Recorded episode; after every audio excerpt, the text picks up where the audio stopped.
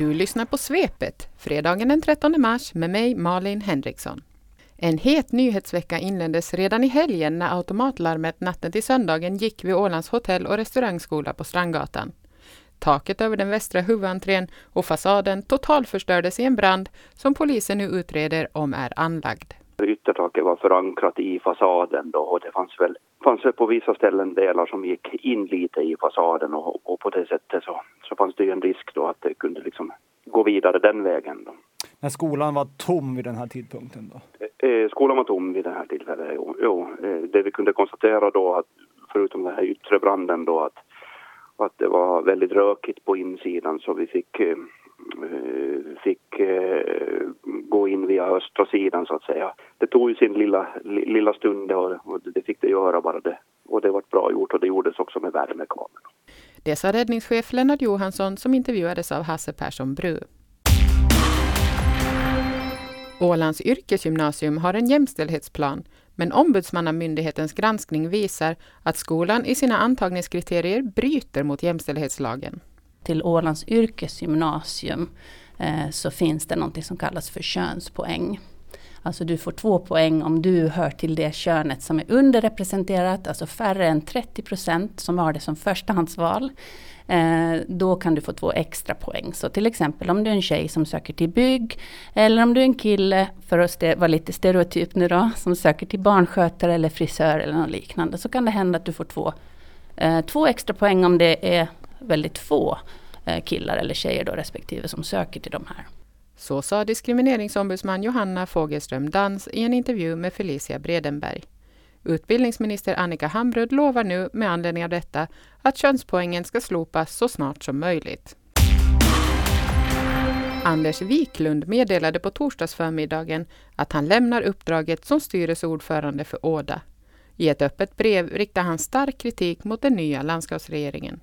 Man ska ifrågasätta, man ska vara kritisk, eh, men man kan göra det på väldigt många olika sätt och det är väl det sättet som man gör det nu på skapar osäkerhet och en väldigt dålig eh, bild av Åda också offentligt som inte stämmer överens med verkligheten. När man dessutom inte, när det kommer en dålig revisionsrapport, inte går ut och tar ställning för Åda, den egna personalen. Så där liksom, där, där far det sista från min sida. Jag, jag tycker man gör inte så. Man måste respektera de offentliga anställda på ett annat sätt. Det sa alltså Anders Wiklund som nu hoppas att de offentligt anställda startar en rörelse under hashtaggen Vi som tröttnat. Han intervjuades av Felicia Bredenberg. För ganska exakt en månad sedan höll obunden samlings partiledare Bert Häggblom en presskonferens där han i lagtingets foajé meddelade att han avstår talmansuppdraget. Han skulle egentligen ha tagit över klubban från Roger Nordlund nu i mars enligt regeringsöverenskommelsen. Eftersom det ställs kritik mot mig som person och för att det här är en förtroendebransch och man ska vara talman så bör man ha förtroende av så gott som alla i lagtinget. Man ska kunna visa att man kan uppbärande ämbete. Så lät det då, men i veckan meddelade Bert Häggblom att han visst åter är aktuell för talmansuppdraget. Ja, jag kan ställa mig till förfogande efter 1 november. Men du trädde ju tillbaka här nu. Vad är det som har ändrat nu att du kan tänka dig att bli talman sen? Ja, men jag ville ta den debatt, det spörsmålet som var, att jag inte skulle, att det inte var fråga om talmansposten. Men nu drog de ju tillbaka det spörsmålet och så kommer nu. De ska hålla till sanning och inte föra fram lögner som de har gjort. Det gör mig jätte upprörd. Du menar det här spörsmålet som har kommit nu eller det tidigare? Nej, men det är tidigare. Jag skulle vilja haft den debatten och då skulle man inte blanda ihop det med en talmanspost. Eh, den vill jag föra med blanka svärd. Med mig i studion har jag vår politiska redaktör Nina Smed som vi också hörde i inslaget. Nina, varför ställer sig Bert till förfogande igen? Ja, det är en bra fråga. Jag blev tagen på sängen under den där intervjun kan jag säga. att eh, att han nu plötsligt ställer sig till förfogande igen. Någonting har hänt. Han har sagt att, att det har varit tryck från regeringsblocket och väljarkåren. Men någonting har hänt så att han nu har ändrat sig eh, från det som han sa då tidigare. Eh, jag, tror, jag tror det har att göra med att nu har han pratat, pratat med väljarkåren främst, tror jag. Och partiet kanske. Han nämner ju här det spörsmål som oppositionen lämnade in och de, som de nu har dragit tillbaka. Och det är ju ganska lustigt också för att eh, de drog ju tillbaka spörsmålet för att han en, inte skulle ställa sig till förfogande längre. För spörsmålet handlar ju om förtroende för, för Bert Häggblom som talman för Ålands lagting. Och nu drog de tillbaks det och istället så, så formulerade de om sitt spörsmål att handla mer om näringsrätten och jordförvärvet.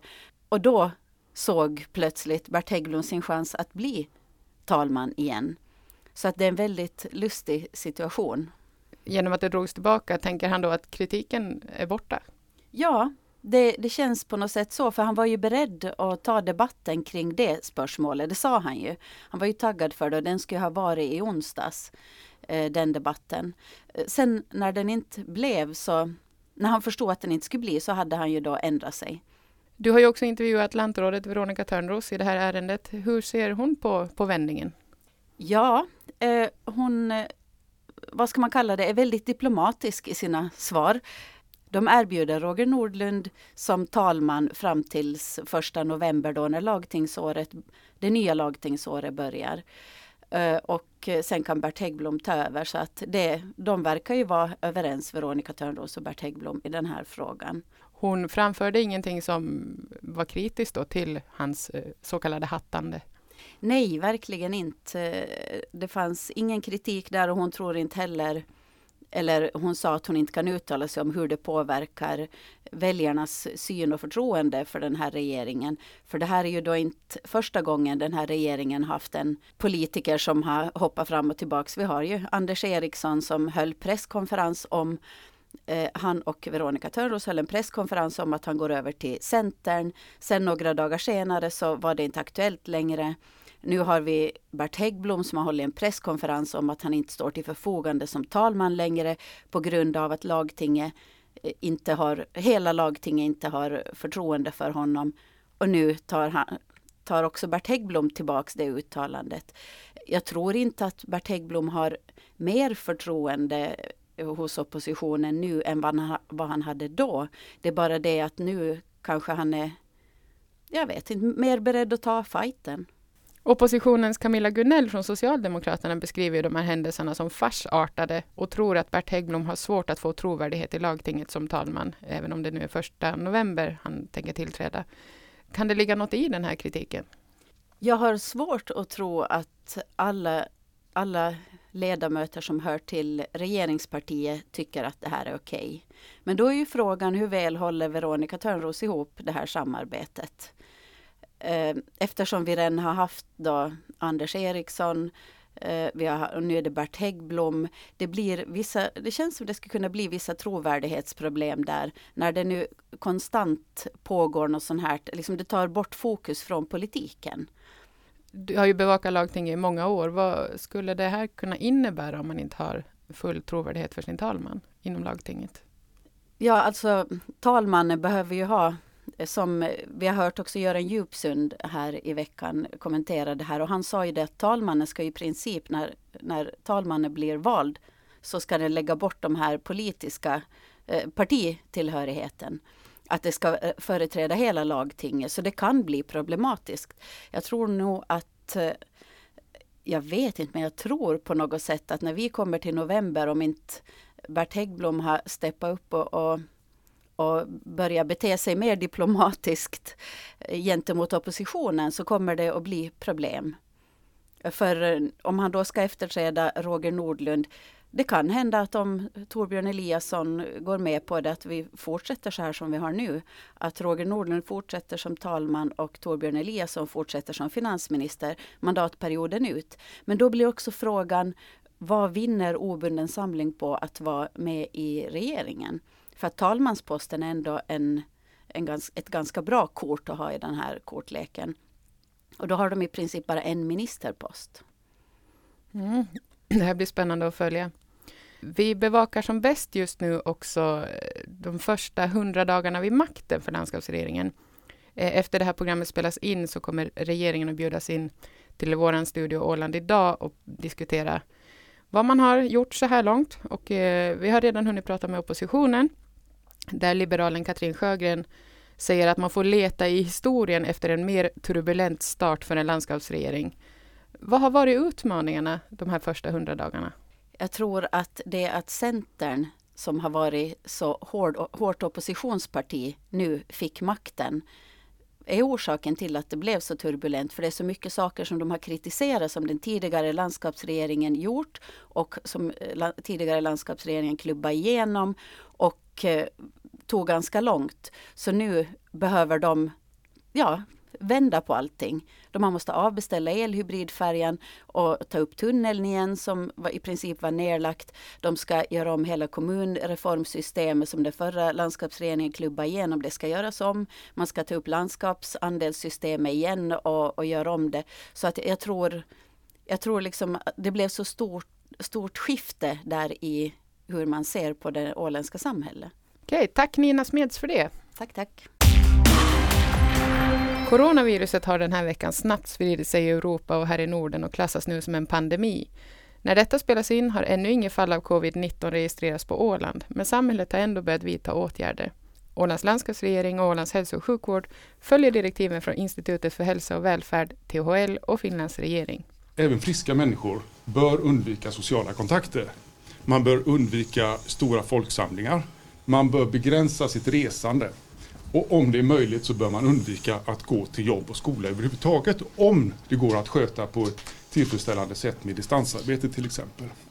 En ytterligare viktig punkt här det är att vara försiktig med kontakter med riskgrupper och vi vet ju som sagt då att den här sjukdomen är farlig framförallt för de äldsta och de som har andra sjukdomar.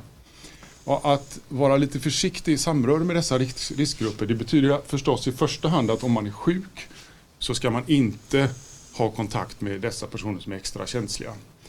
Ska det också betyda att man är helt frisk, att man ska undvika dessa kontakter? Ja, då är det lite svårare gränsdragningar. Och det är någonting som man behöver använda ganska mycket sunt förnuft. Men om man har kontakt med personer som är särskilt eh, känsliga så är det extra viktigt att vidta de här eh, praktiska åtgärderna. Tvätta händerna, inte ha för nära kontakt, allmän hygien, eh, allmän, allmänna hygienåtgärder. Där hörde vi landskapsläkaren Knut Lönnroth från torsdagens presskonferens. Efter att detta program spelas in kommer ytterligare en presskonferens att hållas. Ove Sjöblom, som är reporter här på Ålands Radio, du bevakade presskonferensen igår. Vad var ditt samlade intryck? Eh, intrycket var att eh, landskapsläkaren eh, och även de övriga inblandade ger ändå ett, liksom ett samlat och lugnt eh, intryck med eh, information som de verkligen har hämtat in från eh, framförallt då Institutet för hälsa och välfärd. Men att inte bara det att de har läst på deras hemsida, landskapsläkaren berättar att han har ju varit i personlig kontakt då med, med bland annat Mika Salminen var en som, som han nämnde. Som, så, så att det, det pågår ju en kontinuerlig eh, eh ett, ett kontinuerligt informationsflöde mellan eh, THL och Åland. Och vi ska ju komma ihåg det att att eh, det är ju just det här, precis som du sa, att när det här spelas in så finns det inget covid-19 fall konstaterat på, på Åland nu. Eh, och det gör ju också, det påpekar ju eh, de på presskonferensen igår att, att att vi ska ju ta till oss alltihopa men att fortfarande ha det där bakom örat att vi har inget konstaterat fall här ännu men det är ändå vettigt att ta till de här försiktighetsåtgärderna som de rekommenderar att man ska göra. Då. Vet du om de kan ta några egna beslut för Åland eller kommer man att följa direktiven från fastlandet? Ja, det, det där är ju lite sådär halvklurigt som de pratade om igår och det var någonting som man skulle måste fundera om att när det gäller liksom sjukvård och hälsovård så då så har Åland egen behörighet men när det gäller smittlagsskyddet, den lagstiftningen, eh, då, är det, då är det rikets behörighet. Och de där två då kan de sa att de kunde inte ge några exempel eller liksom hur, eh, hur, det kunde, hur det kunde påverka. Men, men det där är som de sa, att det är någonting som kan påverka och någonting som de måste fundera på. Att hur ska de göra om det är så att eh, de här lagstiftningarna blir att krocka med varandra lite då. Och att måste man då ta till eh, någon tillfällig lagstiftning på en väldigt snabb eh, liksom, eh, reaktionstid om vi säger så då för att eh, det ska kunna stämma överens med vad som gäller nationellt och, och, som även då bör gälla på Åland. Så att det är någonting som de, som de funderar på. Vi som sitter på redaktionerna så ser att det droppar in pressmeddelanden regelbundet bland annat olika evenemang som ställs in och uppmaningar om försiktighet i olika sammanhang. Och eh, vi uppmanar alla att eh, följa senaste nytt på vår hemsida och våra sändningar och där kommer vi också rapportera om den här presskonferensen naturligtvis.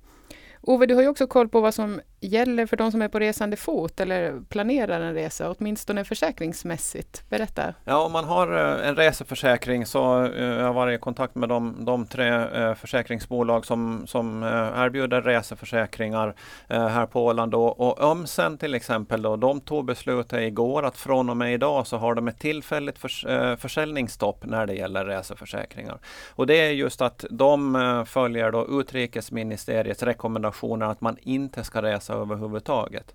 Och de har också så att om du har en befintlig reseförsäkring idag och så beslutar du dig för att jag åker iväg imorgon eller idag på eftermiddagen eh, och det händer någonting med dig på den här resan, då gäller inte deras reseförsäkring för då har du rest iväg på eget ansvar. Du har inte följt rekommendationerna från utrikesministeriet. Men sen de två andra då, Lokal Tapiola Åland och eh, Pohjola Försäkring. Eh, där gäller befintliga reseförsäkringar. Om du åker iväg idag och trillar och bryter benet eller blir sjuk i Corona så då så gäller reseförsäkringen eh, just där. Om det är så att du inte har åkt till de områdena som eh, när jag pratade med försäkringsbolagen, vi ska påpeka det, fanns listade på utrikesministeriets eh, hemsida som epidemiområden. Eh, för det fanns där. Nu kanske det har ändrat under bara de timmarna som har gått sedan jag pratade med försäkringsbolagen. Sen är det lite olika också om det är så att man eh, eh, har en resa planerad om en vecka eller två eller tre eller någonting sånt och man vill inte åka på den. Hos Ömsen så kan man få ersättning för den inställda resan när man väljer själv att nej, jag vill inte åka till på den här resan. Men det gäller däremot inte hos Lokal Tapiola Åland. Eh, och hos Pohjola så var det då de benämnda eh, epidemiområdena. Men just det här med epidemiområden, där råder det lite nu så här från timme till timme för att utrikesministeriet så har ju tagit bort de här epidemiområdena och anser att hela världen är nu ett, ett eh, epidemiområde. Så att utrikesministeriet, det senaste jag såg på deras hemsida, att de kommer inte att, att uppdatera liksom att ja, det här området är värre än det här området, utan nu är, är hela världen ett, ett epidemiområde. Så den senaste informationen om man funderar runt omkring sin reseförsäkring och om man funderar på att ja, men ska jag åka på den här resan eller inte. Gå in på försäkringsbolagens hemsida. De uppdaterar kontinuerligt där med det senaste som gäller och de sa, de påpekar alla tre att det här var villkoren under fredag förmiddag när jag pratade med dem. Eh, det kan ändra. Eh, det såg annorlunda ut idag mot vad det gjorde igår till exempel. Ja, det här gäller ju nästan allting nu som man ska ta sig an, så det, det kan vi skicka med till våra lyssnare. Tack Ove Sjöblom för att du tog dig tid. Tack. Sist i svepet tittar vi på vilka nyheter som var mest påklickade på Ålands Radios hemsida den senaste veckan. På tredje plats hittar vi nyheten om att momsfördelen försvinner vid årsskiftet. Då slipper man inte längre momsen om man vill beställa billiga varor under 22 euro på nätet från länder utanför EU. Ida Hellgren, som är avdelningsjurist vid Landskapets allmänna byrå, säger att tullen arbetar på att ta fram ett system hur man ska hantera det på basen av de instruktioner EU har tagit fram. Det här handlar om miljontals försändelser som ska tas in till EU, exempelvis från Kina, och börja hanteras på ett annat sätt, sa Ida Hellgren. På andra plats ligger den presskonferens Ålands landskapsregering och Ålands hälso och sjukvård höll på torsdags eftermiddagen om coronavirusets spridning. Där sa bland annat lantrådet Veronica Törnros att man har haft ett första möte med näringslivet och att det är alldeles klart att det ur denna situation kommer att uppstå ekonomiska bekymmer. Vi har inlett ett samtal om den biten och får anledning att återkomma om det, sa lantrådet. Och på första plats hittar vi telegrammet om att utrikesministeriet i ett resemeddelande säger att risken att insjukna i coronasmitta har ökat i Europa och överallt i världen.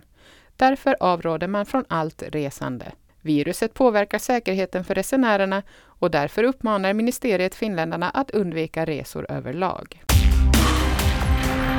Det här var allt för svepet den här veckan. Lyssna på oss igen nästa vecka, fredagen den 20 mars. Tidigare avsnitt av svepet hittar du på vår hemsida under rubriken podcast och också där andra poddar finns. Jag heter Malin Henriksson. Tack för att du har lyssnat.